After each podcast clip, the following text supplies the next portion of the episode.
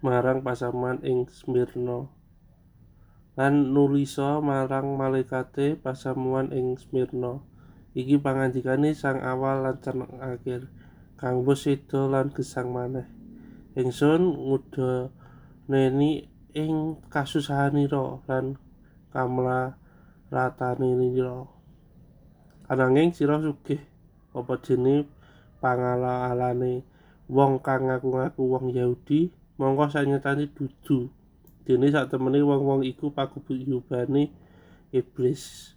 Sira aja wedi ing sadhengao kasangsaran kang kudu sira sangga lah sanyatane iblis bakal nglebokake wong sawetara panunggalanira marang ing pakunjaran supaya sira kadadara sarta sira bakal kataman ing kasusahan sapuluh dina lawase sira disetya tuhu nganti tumeka ing pati. Temah bakal sun ganjar makutaning kauripan sing sapa duwe kuping ngrungokno apa kang dadi pangandikane sang roh marang pasamuan-pasamuan.